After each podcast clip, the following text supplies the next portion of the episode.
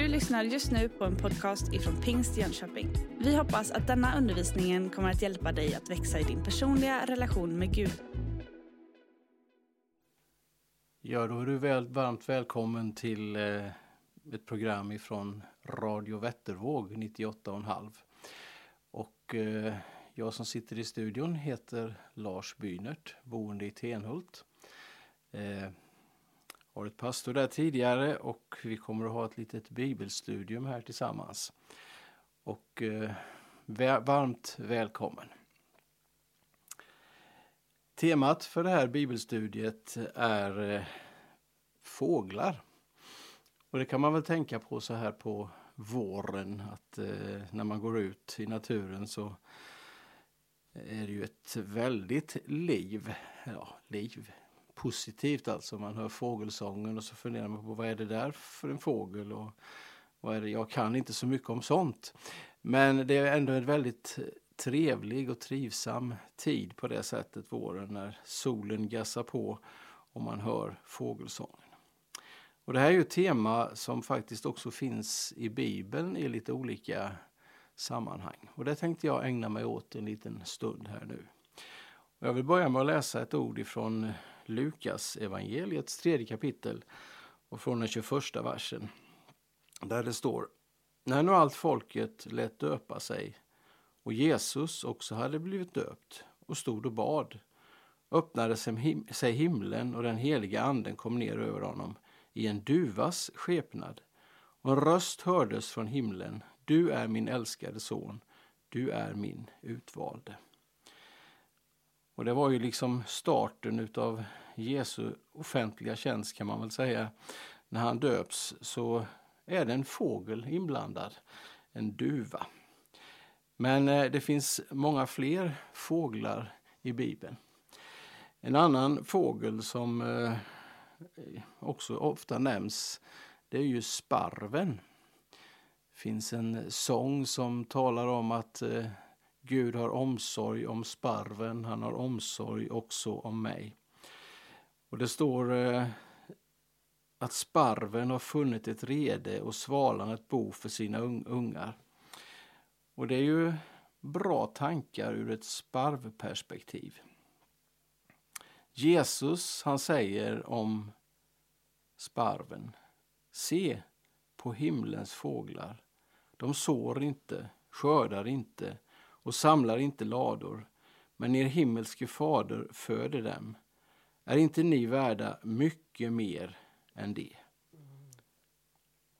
Och eh, Jesus säger också i Matteusevangeliets tionde kapitel från den 29 versen. Säljs inte två sparvar för en kopparslant, men ingen av dem faller till marken utan att er fader vet om det. Och på er är till och med hårstråna räknade. Var alltså inte rädda. Ni är mer värda än aldrig så många sparvar. Ja, tänk vilken omsorg vår Gud har om oss och som Jesus talar om i det här sammanhanget. Och det gäller ju även i tider när det är tufft och så vidare att eh, Guds omsorg finns nära oss. Eh, sen kan man ju tänka så här med fåglar att eh, fåglar flyger ju. Och det är lite fascinerande. Eh, när man tar eh, ett flygfoto över ett område så får man lite grann ett annat perspektiv. Eh, och där tänkte jag väl fortsätta mina tankar lite grann. Det kan vara värt att få ett eh, fågelperspektiv både på nuet och på evigheten.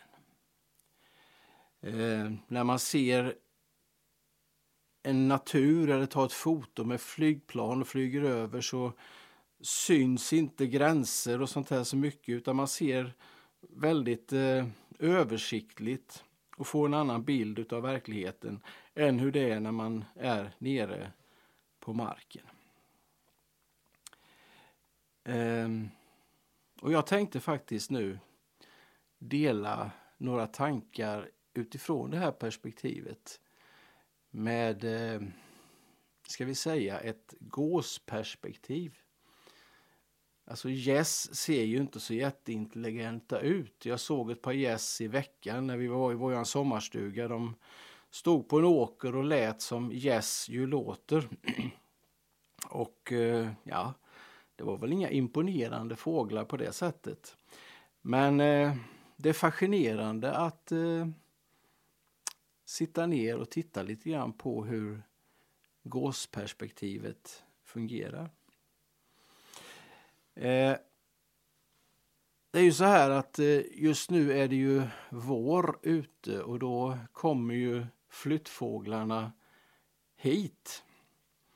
Eh, då har de ju varit eh, på varmare trakter och sen kommer de eh, och flyger förbi. Vi känner alla till säkert om tranor som landar i massor vid Hornborgarsjön. Jag fattar inte hur man kan räkna tranorna, men man vet ju nästan exakt hur många som är där. De säger att de räknar benen. Jag, jag är dålig fågelskådare så jag vet faktiskt inte hur det fungerar. Men eh, det är ändå lite fascinerande att de vet liksom att Nej, men nu ska vi resa iväg och flyga och flyga till Sverige och sen när det börjar bli kyligt här då flyger man iväg och organiserar sig i den flygningen. Eh, när gäss förflyttar sig så gör de det i en eh, formation som kallas för fylking. Om man kan rita upp det där på ett papper så är det liksom att genom att de flyger som de gör så sparar de energi, de orkar mer och det finns många positiva effekter av att flyga i en sån här fylking. Eh, det är ju så att varje fågel flyger med sina egna vingar. Men genom att flyga i en V-formation så ökar flocken effekten med 71 procent. Om det är 25 stycken fåglar i den där flocken. Jämfört med om varje fågel flög ensam. Och sen är det så, har man undersökt, att eh, fåglarnas puls går ner när man flyger i en sån här formation. Eh, oerhört fascinerande faktiskt att, att fåglarna fattar det. Eh, att det liksom fungerar på det sättet. Man sparar alltså 71 procent på effekten om man är 25 fåglar än om man skulle flyga ensam. Och det är just för att man då formerar sig på ett sånt här sätt. Vad kan man eh, dra för praktisk lärdom om detta om man skulle se livet i ett eh, gåsperspektiv? Ja, lärdomen kan bli att människor som arbetar i en gemensam riktning och med en känsla av samhörighet kommer fortare och lättare till målet eftersom de får draghjälp av varandra. Ja, vi kan ju säga att det är ju bara fåglar. Men Jesus sa ju ändå se på fåglarna. Eh, och det här kan man också då tillämpa med ett eh, bibelord som vi kan läsa ifrån eh, Romarbrevets eh, tolfte kapitel. Den fjärde till den femte versen. Ty liksom vi har en enda kropp, men många lemmar, alla med olika uppgifter, så utgör vi, fast många, en enda kropp i Kristus. Men var för sig är vi lemmar som är till för varandra. Oerhört stark eh, avslutning på den versen. Precis likadant som man drar nytta av i gåsformationen att eh, använda effekten av att man hjälper varandra framåt så är det så också i det som är den kristna gemenskapen, Guds församling, att vi är till för varandra. Alltså det är inte i första hand egot som ska styra utan vad kan jag göra för andra? Och det här är ju oerhört starkt att tänka på. För eh, många tider och i många stunder och i synnerhet i de senare åren så har det handlat väldigt mycket om att förverkliga sig själv och att lyckas och jag måste fram och om jag får det här så klarar jag mig och så vidare. Men eh, den här tanken är ju så oerhört stark. Vi är till för varandra. Kanske blir det ett resultat utav den eh, kris och vad säger man som vårt samhälle drabbats av och som vi lever i. Att det kanske blir andra värden som blir viktiga. Man märker ju det när man inte får träffa anhöriga, när man inte får möta barn och barnbarn och så vidare. Att det blir oerhört tomt och man saknar det där. Att kunna vara tillsammans. Och det tror jag är oerhört viktigt att lyfta fram. På samma sätt som fylkingen hjälper att man får kraft tillsammans så man kommer längre och orkar mer så finns det en styrka i att vi är till för varandra.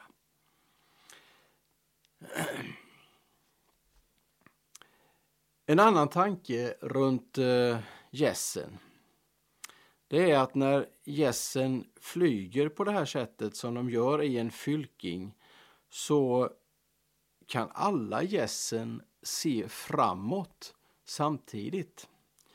Alltså de skymmer inte varandra utan de ser framåt samtidigt. Ja, vad kan man dra för lärdom utav det? Ja, naturligtvis är det oerhört viktigt att ha ett gemensamt mål. Och att alla kan se både det och att alla kan se framåt. Eh, det finns ju olika sätt att vara ledare på. En del menar att man ska peka med hela handen och sen ska alla andra följa efter. För att ledaren säger att så här är det. Det är ju bra med ledare.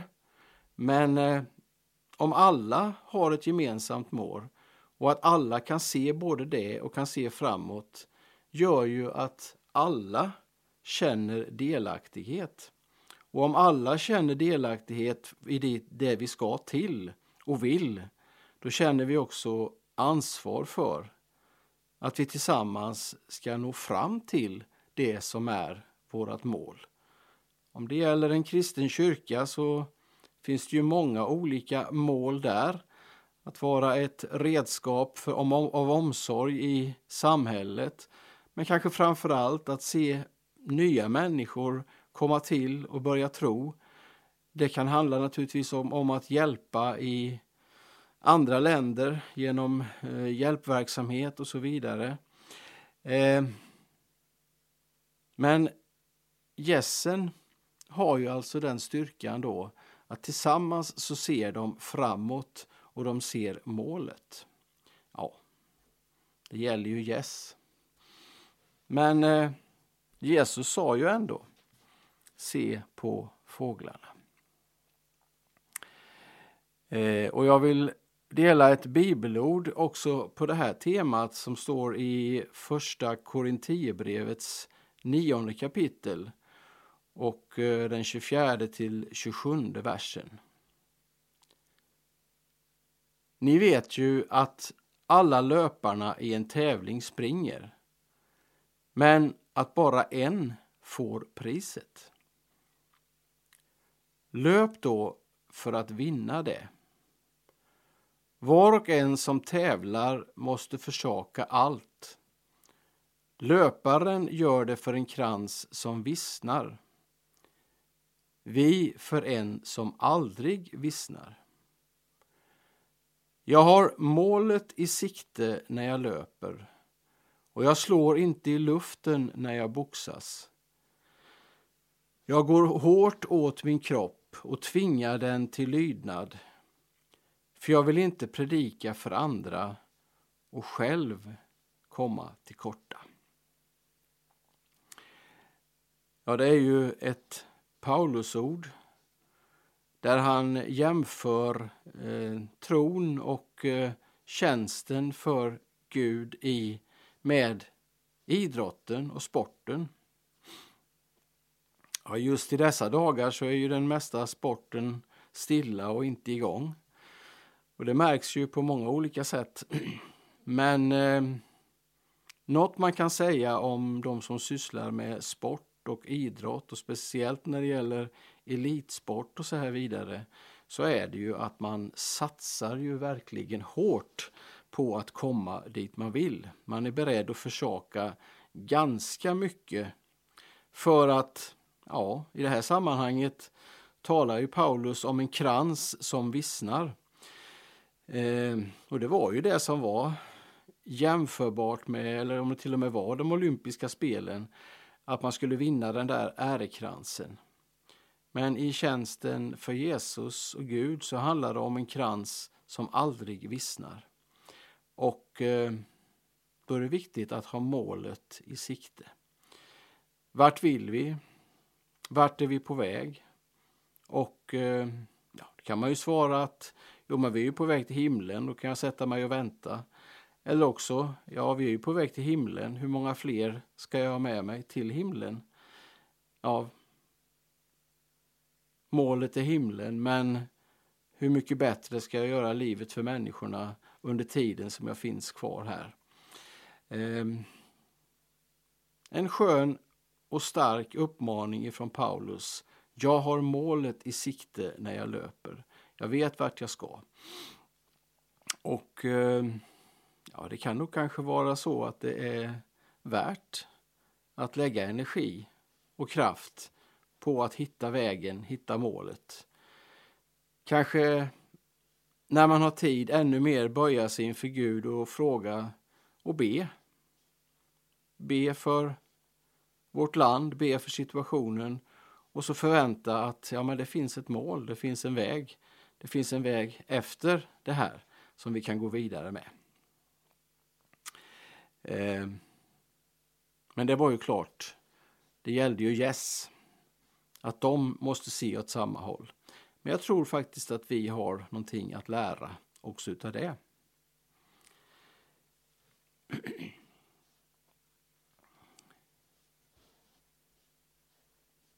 Sen är det också så här med en gåsformation eller en sån här fylking. Att eh, så snart en gås faller ur formationen återtar den sin plats så fort som möjligt för att dra nytta av lyftkraften från den framförvarande gåsen. Alltså om man eh, tappar farten så är man väldigt noga med att så fort som möjligt komma in i eh, fylkingen igen. Vad kan vi dra för lärdom utav det? Ja,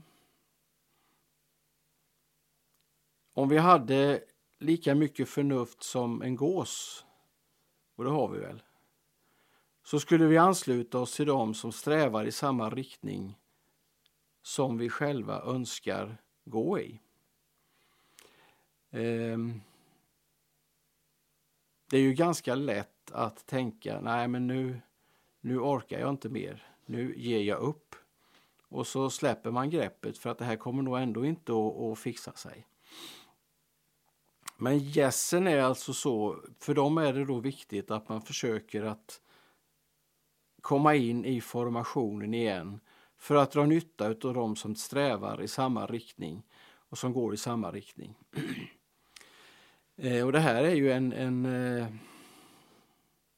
ja, det är en ganska stark uppmaning.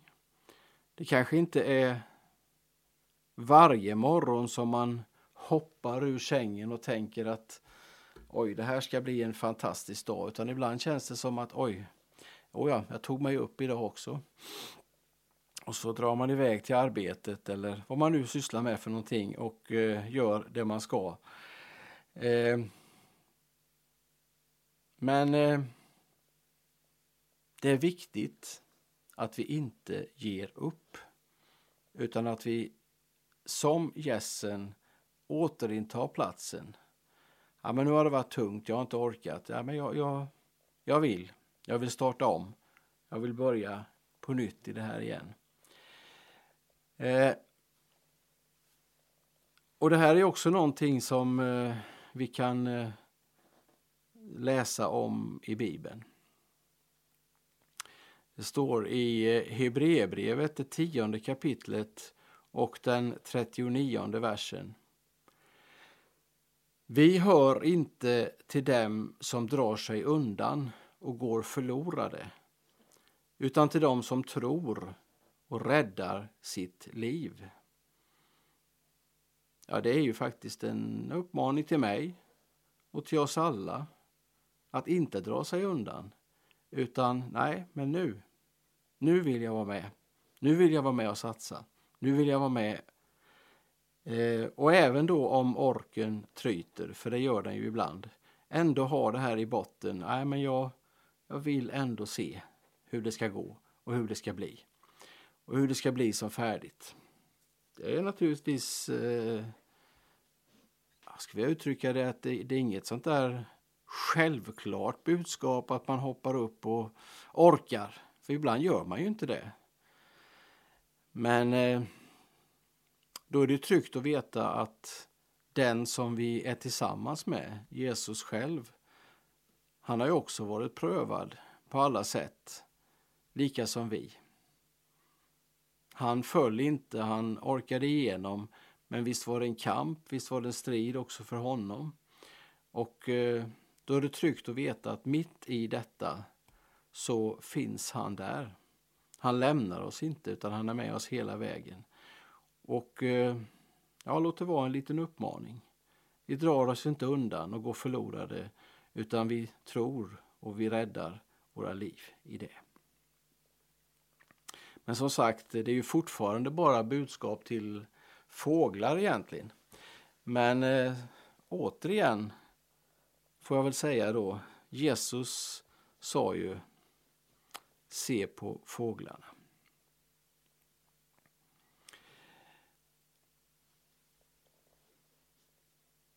Nu har jag en bild framför mig här om, eh, av en sån här fylking. Och på den är det några fåglar som är inringade. Och det är de fåglarna som eh, är längst fram i spetsen och längst ute vid kanterna. Och då är det så här att de som är närmast kanten och den som flyger längst fram, det är de fåglarna som jobbar allra hårdast. Eh, de får alltså slita lite grann mer när man flyger med fylking.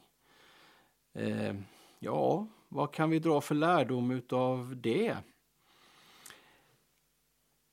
Ja, det är ju så här att eh, när en ledargås, om vi kallar det för ledargås, blir trött Eh, så flyttar den bakåt i formationen och en annan gås intar tätplatsen. Var du med i tanken? När en gås som sitter i ytterkanten och sliter hårt stiger åt sidan, då är det en annan gås som går in och tar den platsen och eh, tar det arbetet. Och när gåsen i spetsen inte orkar mer utan känner att han måste vila, då går den undan och så är det en annan som går in och eh, tar den platsen. Ja, det är ju en fantastisk lärdom om ledarskap, om eh, all form utav samvaro mellan människor där man hjälper och stödjer varandra. Som en kristen kyrka, en församling. Det är ju alltid så att det finns ledare i församlingen på alla nivåer. Och eh, ibland, jag vet inte hur det är i det sammanhang där du, du finns eller jag är inte exakt säker på hela, hela bilden. Men ibland talar man om att det är brist på ledare. Man har svårt att få människor som tar ansvar. Och de som tar ansvar, de får jobba så mycket så att de nästan bågnar under det arbete som man står i. Det är ju märkligt att det inom kyrkan är så att där är det väldigt många som drabbas av utbrändhet och inte orkar och så här vidare. Eh, och då är ju det här en oerhört stark lärdom att kunna dela ansvar i, eh, på det sättet som faktiskt gässen gör då. Eh, för det är klart att eh, ska man dra ett tungt lass i ett sammanhang där man arbetar med människor så kan det behövas ibland att man får kliva åt sidan och någon annan går in och tar ansvar. Och lärdomen som gässen kan ge oss är ju att det lönar sig att turas om och ta de tunga jobben och att dela ledarskapet sinsemellan. Vi jobbar tillsammans och kompletterar varandra i Guds rike. Eh, ja, det här finns det ju säkert hur mycket som helst att säga om. Men eh, det skapar ju tankar hos oss att eh, vi ska dela på ansvaret.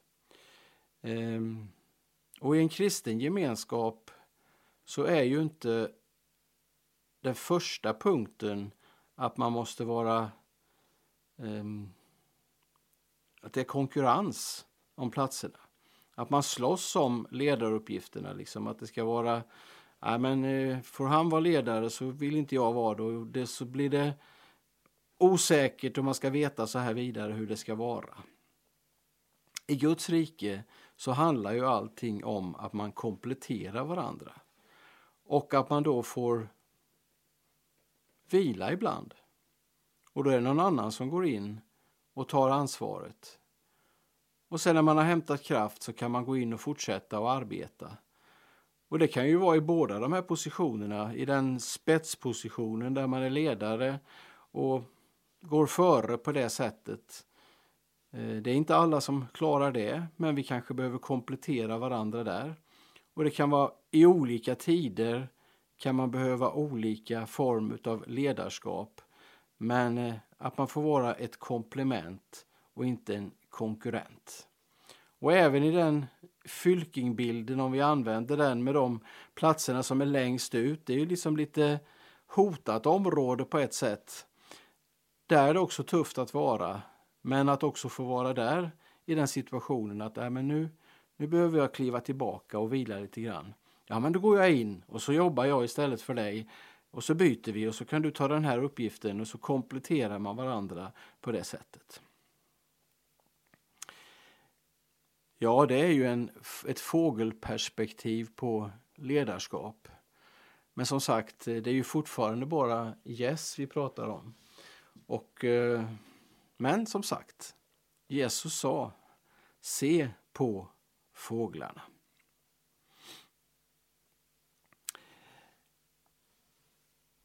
Och här kan vi också citera ett eh, bibelord som ja, man ska ju inte prata om att man har bibelord som man tycker extra över någonting annat, men det här är ändå ett fantastiskt bibelord om att fördela ansvar i en kristen gemenskap och som innehåller oerhört mycket av det som är en gemenskap tillsammans med Jesus.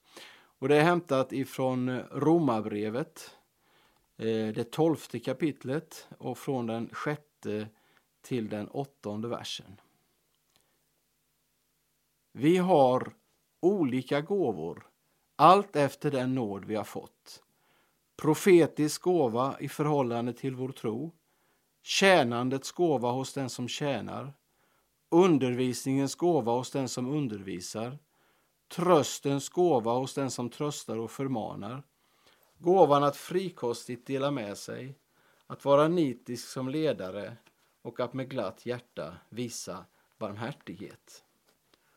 Om du såg alla de här så finns det sju olika punkter i den här texten som eh, talar om eh, olika funktioner i en kristen gemenskap och i en gemenskap. Kanske faktiskt att den här funktionslistan, ska jag säga så, är tillämpbar även i ett eh, icke-kristet sammanhang. Att de här gåvorna, eh, tjänandets gåva, profetisk gåva, undervisningens gåva, tröstens gåva, frikostigt dela med sig, vara nitisk som ledare och att visa barmhärtighet. De här sakerna är så centrala i den mellanmänskliga relationen så det är ett oerhört starkt eh, dokument att läsa när man sysslar med eh, att arbeta tillsammans.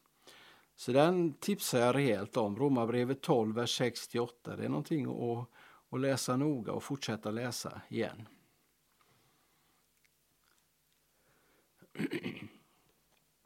För att då återvända till våra gäss. Eh, när man lyssnar på en sån här fylking som kommer över himlen så är det ju så att jag pratade inledningsvis här om, om eh, fågelsång. Och den är ju i synnerhet ganska vacker oftast. Jag ska inte säga att gässens skrik alltid är så vackra. Eh, men det är någon som har undersökt det att gässen i formationen skriker bakifrån för att heja på den främste att hålla farten. Ja, jag vet inte, men eh, det här är sånt som jag, jag har läst mig till och det, det, det är nog så. Eh, att de, att de ropar och ropar och uppmuntrar på det sättet. Ehm, och vad kan man dra för lärdom av det? Ja, i en gemenskap där man arbetar tillsammans så måste vi se till att våra skrik från de bakre leden är uppmuntrande och inte tvärtom. Det är ju lite fascinerande. Alltså att eh, nu kan jag inte statistiken, men hur många uppmuntrande ord det behövs för att bryta ner någonting negativt som sägs. Det går åt ganska mycket faktiskt. Och eh, det här är ju en oerhört stark lärdom. Gässen har fattat det. Och eh, det kanske vi också kan förstå. Att eh, se till att våra skrik inte är nedbrytande och inte är negativa och att man talar illa och att man gör folk ledsna och att man klagar och gnäller. Eh, det finns ju ingen ände på klagandet höll jag på att säga. Men eh, det här tror jag är så oerhört viktigt. Att försöka vara uppmuntrande. Ja, det blev inte precis som jag hade tänkt mig men jag vill ändå uppmuntra dig för att du har jobbat så bra och satsat på det här. Eh, och Det här blev ju jättebra. Att liksom kunna hela tiden försöka uppmuntra hellre än att se det negativa. Man kan vara tydlig och tala om att det här behöver vi förändra men att också hela tiden ha med det här med en stark uppmuntran. Eh, och inte minst då i en kristen gemenskap så är det ju oerhört viktigt att vi uppmuntrar. Att vi uppmuntrar dem som står i ledning, att vi uppmuntrar dem som arbetar på olika sätt. Sen finns det ju de som i en kristen gemenskap som aldrig syns egentligen. Eh, de syns nog i Guds rike. Våra förebedjare och människor som ger i det tysta och så vidare. Många exempel på detta. Människor som är omsorgsfulla i vardagen. Det är inget som kanske syns på det sättet. Men att vi får ha detta som ett grundcentral mantra att våra skrik från bakre leden är uppmuntrande. Att vara uppmuntrande, att vara positiv och ge bra feedback och att uppmuntra. Det är så lätt att hitta felen och det är så lätt att hitta det som inte blev gjort. Och så missar man att oj vad det har hänt saker här. Eh, inte enkelt, återigen ingenting som man bara vänder på ett papper och säger att så här fungerar det, men det kan vara bra att bära med sig ut i vardagen. Eh, vad hade du tänkt säga till den personen, till det sammanhanget? Jo, men det blev lite fel där så jag är tvungen att säga ifrån nu på skarpen här och vara lite negativ. Eller bestämma sig för att nej, men jag ska uppmuntra. Ehm, det är nog bättre att uppmuntra en gång för mycket. Det mår vi nog ganska bra utav allihopa. Och eh, klagandet, det, ja, det får väl bli vad det är. Och här finns också bibelord som stryker under detta. Och eh, det är också hämtat ifrån Hebreerbrevet och då ifrån Hebreerbrevets tionde kapitel. Där det står så här. Låt oss ge akt på varandra och sporra varandra till kärlek och goda gärningar. Och låt oss inte försumma våra sammankomster som några brukar göra, utan uppmuntra varandra och detta så mycket mer som ni ser att dagen närmar sig. Ja, men visst är det fantastiskt. Och i dessa tider när vi då kanske inte ens kan träffas, att komma ihåg att ringa det där samtalet, att ta den där hälsningen. Det står att vi inte ska försumma våra sammankomster i den här texten. Det är ju svårt just nu när vi inte har några sammankomster, men det är ju så att eh, det är ju viktigt det med, att hålla ihop och hålla i gemenskapen. Och så står det ju så starkt, uppmuntra varandra. Och så har man en hänvisning till då att, ja det som vi pratade om lite tidigare, att vi är på väg mot ett bättre mål. Himlen. Den dagen närmar sig, vi vet inte när det händer. Men i detta sammanhang, i världen, medan vi väntar, så ska vi uppmuntra varandra. Ge akt på varandra, står det också i texten. Och det handlar ju naturligtvis om att se varandra. Att komma ihåg att se den som ingen annan ser. Och sporra varandra till kärlek och goda gärningar. Det finns en annan sida utav detta som eh, eh, vi ibland halkar in i. Och det är att vi har lätt att döma den som misslyckas. Särskilt om det är områden där vi själva inte har problem. Det är nog ganska bra att vända pilen mot sig själv och fundera på ja, hur hade jag agerat? Hur hade jag reagerat? Och så sporra varandra till kärlek och goda gärningar. Ett oerhört fint bibelord.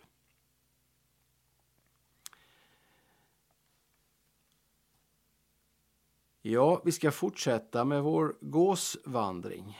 Eh, hoppas att du inte får gåshud.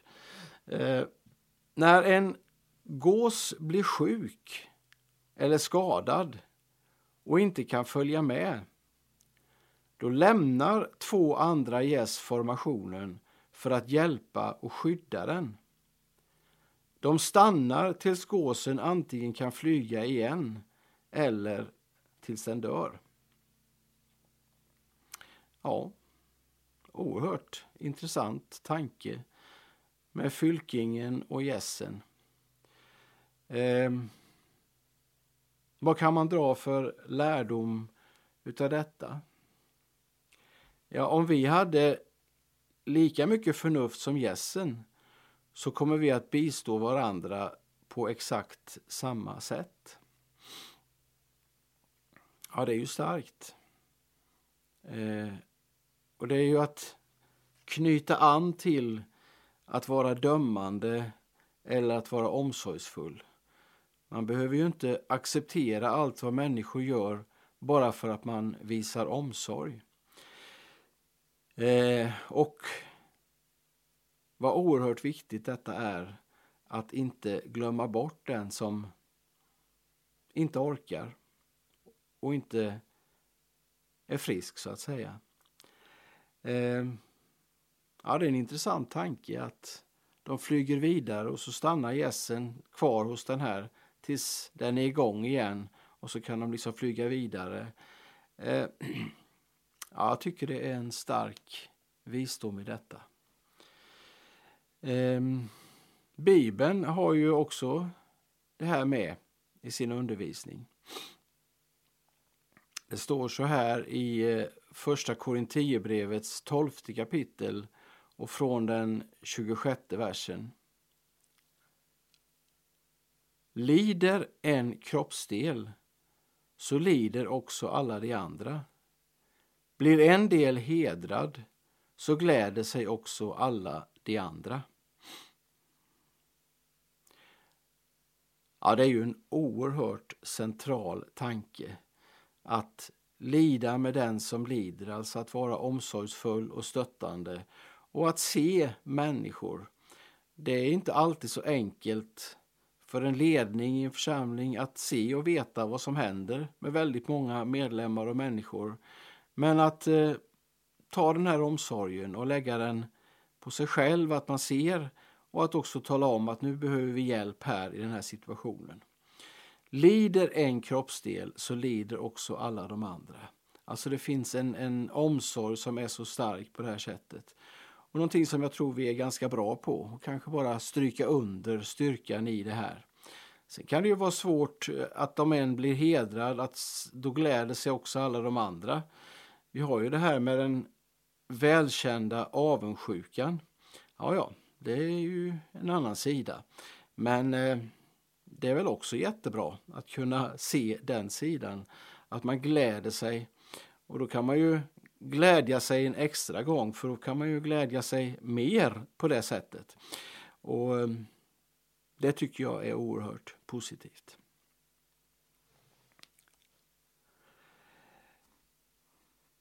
Ja, det var ett antal tankar ur gåsperspektiv. Och eh, det finns säkert mycket, mycket mer att tillägga om eh, fåglar. Eh, det är ju så att det finns ju människor som sysslar med fågelskådning och de blir ju alldeles, alldeles lyriska när de hör att det var bara någon vecka sedan så var det en väldigt ovanlig eh, fågelart som hade slagit sig ner på torget i Tenhult, Mickelsplan i Tenhult. Och plötsligt var ju torget helt fullt med människor med, ser lite roligt ut med kikare och andra saker för man skulle fotografera och kolla den här fågeln. Jag kommer inte ihåg vad det var för en fågel. Men det finns människor som kan väldigt mycket om fåglar. Och nu har vi ägnat oss åt två olika perspektiv. Först var det sparven och uttrycket där, som sparven visar på Guds ofantliga omsorg om oss. Och det andra det var gåsen. Det var inga detaljer om hur en gås fungerar men det var lite detaljer om hur en gåsformation eh, flyttar sig och utnyttjar kraften genom att flyga som en fylking. Eh, jag tänkte gå vidare och eh, avsluta det här studiet lite grann med några tankar ur ett örnperspektiv. Så om man läser Bibeln så upptäcker man att det finns ju väldigt många fåglar. Eh, det finns ju sånger som är skrivna om fåglar. Eh, ni känner säkert till sången Flyttfåglarna som handlar om eh, sista resan i livet och så vidare. Det finns ju Han omsorg har om sparven. Och ibland så tänkte jag, tänker jag på pärleporten där andra versen talar om en gång som en jagad duva, som en sårad hjort jag var. Och sen är det ju det här med örnen då. Eh, och då vill jag läsa ett bibelord ifrån Saltaren, psalm 103 och den femte versen. Lova Herren min själ. Jag vill prisa hans heliga namn. Lova Herren min själ. Minns allt det goda han gör. Han förlåter alla mina synder och botar alla mina sjukdomar. Han räddar mig från graven och kröner mig med nåd och barmhärtighet. Han fyller mitt liv med allt gott och jag blir ung på nytt som en örn.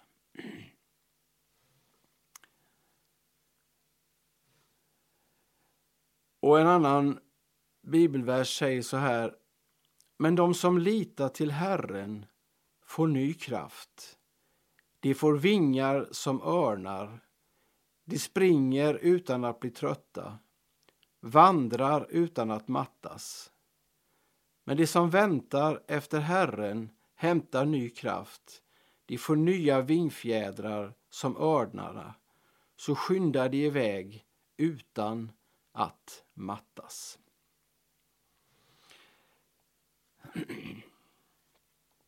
Ja, det här är också ett perspektiv. Eh, att bli ung på nytt som en örn.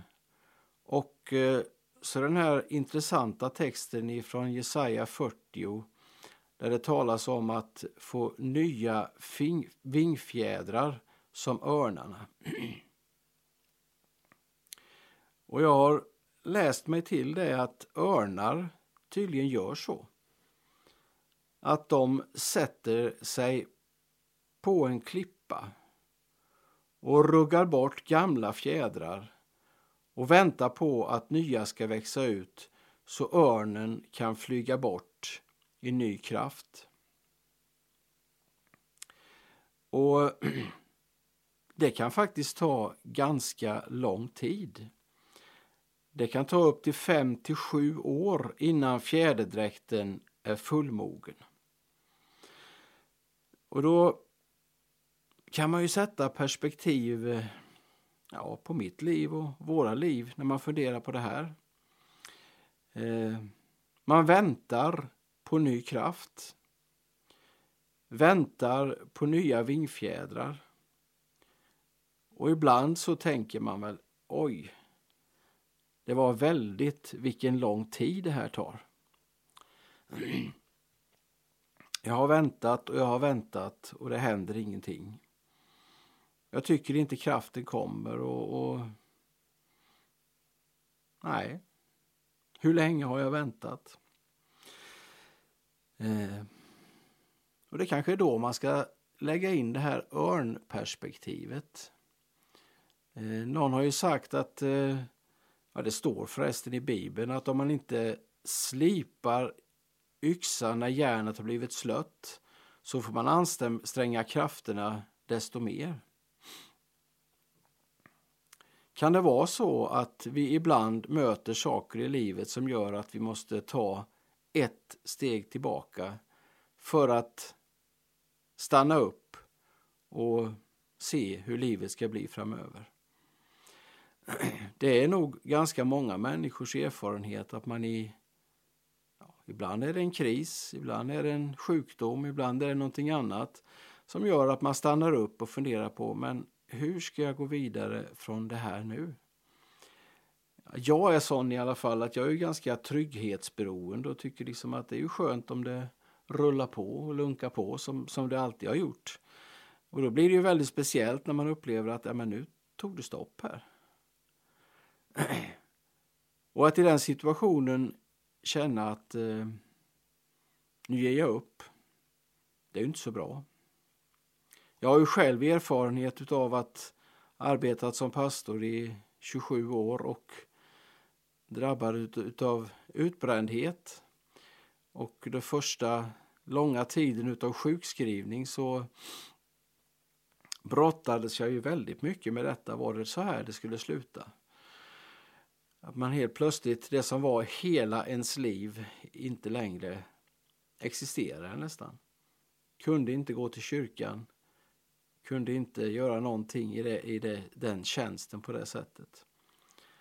Ehm, och när det var som allra mörkast faktiskt så mötte jag en psykiater.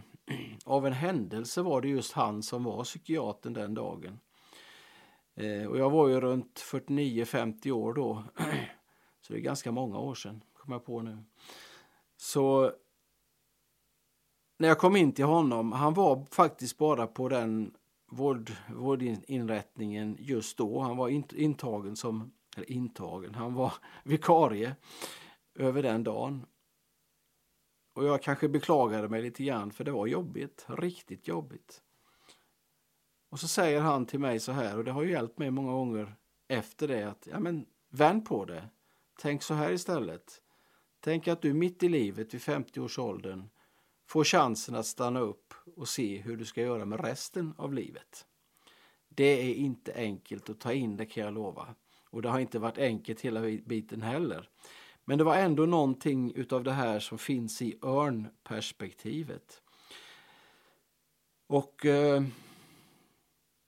då hade jag inte kunnat hålla ett bibelstudie i radion.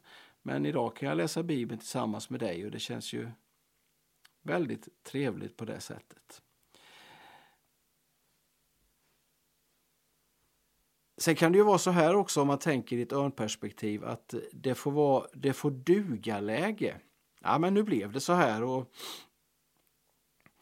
eh, ja nu, nu, nu är det okej, okay, nu rullar det. Men örnen har ju liksom en potential eh, att kunna flyga högre, att kunna flyga längre, att klara av någonting mer. Och det tycker jag också är en fascinerande tanke med det här att stanna upp för att se som Gud ser oss. Med nya vingfjädrar med potential att flyga högre och att flyga längre. Alltså att få upptäcka i livet att det finns nya saker som jag inte har gjort, som jag inte har sett, som jag inte trodde att jag ens kunde, som plötsligt blir möjliga för att jag stannar upp och är tillsammans med Gud på det sättet. Eh, jag menar, örnarna kunde ju nöja sig med sina gamla fjädrar. Eh, och det är klart att eh, de där gamla fjädrarna, ja, det är ju det kanske inte alltid är så smickrande vilka gamla fjädrar du har och så vidare. Men jag är ju helt övertygad om att Gud vet vad som finns i oss. Och när vi som örnen kan stilla oss där på klippan. Det är ett bildspråk som är omöjligt på ett sätt men ändå tanken kanske du förstår att stanna upp, att stilla sig och så låta det växa fram när vi blir stilla där på klippan. Eh, då kan man få se att man får nya vingfjädrar. Alltså saker och ting som man kanske inte ens kunde drömma om som öppnar sig. Helt ovanligt är det ju inte så att en situation i livet där man stannar upp skapar förutsättningar för någonting helt nytt och så kanske blir det ännu bättre än vad man hade tänkt sig från början. För Gud är ju inte direkt begränsad när det gäller möjligheter på det sättet.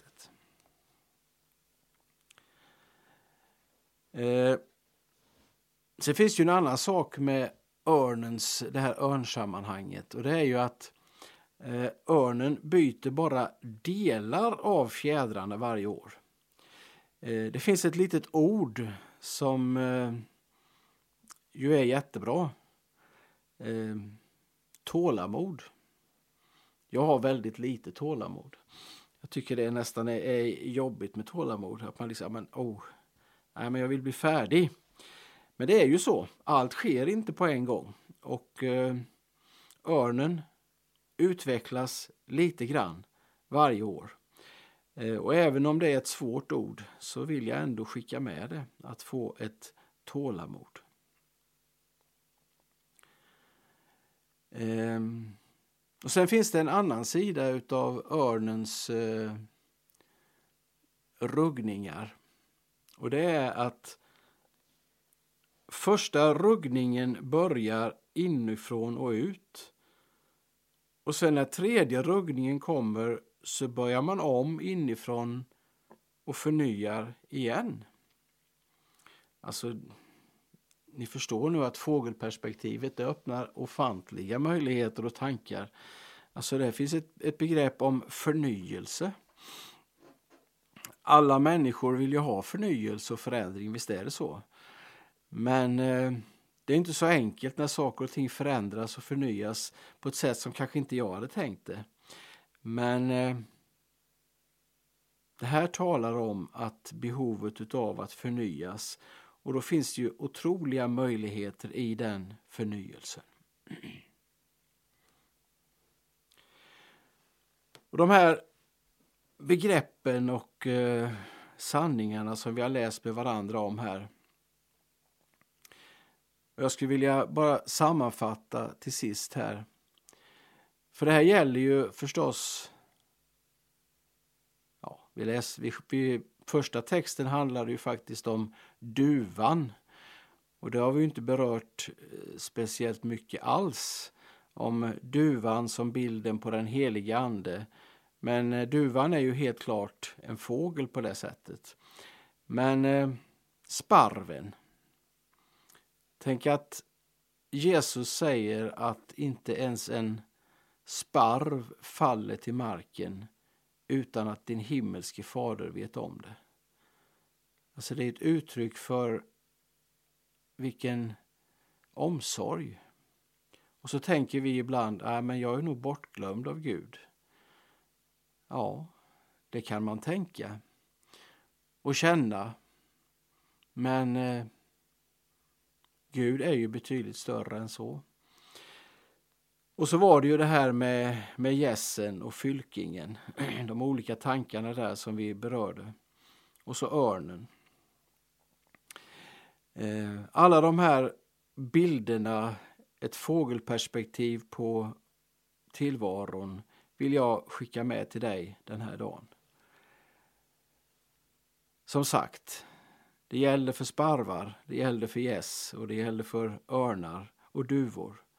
Och Jesus sa ju faktiskt att eh, se på fåglarna. Med detta så vill jag ju önska dig Guds rikaste välsignelse. Jag skulle önska att få be en bön tillsammans med dig innan vi avslutar här. Herre, jag tackar dig för att du välsignar ditt ord i våra hjärtan och i våra sammanhang. Herre, du vet om oss alla. Du Vet om var och en som har lyssnat till detta, Herre. Och låt allt som är fött av din heliga Ande få bli till liv och kraft och uppmuntran och omsorg, Jesus. Jag ber om stark och rik välsignelse över var och en, Herre. Tackar dig att du hör min bön. I Jesu namn. Amen. Du har just lyssnat på en podcast ifrån Pingst Jönköping. För att få reda på mer om vilka vi är och vad som händer i vår kyrka så kan du gå in på pingstjonkoping.se eller följa oss på sociala medier via pingstjkpg.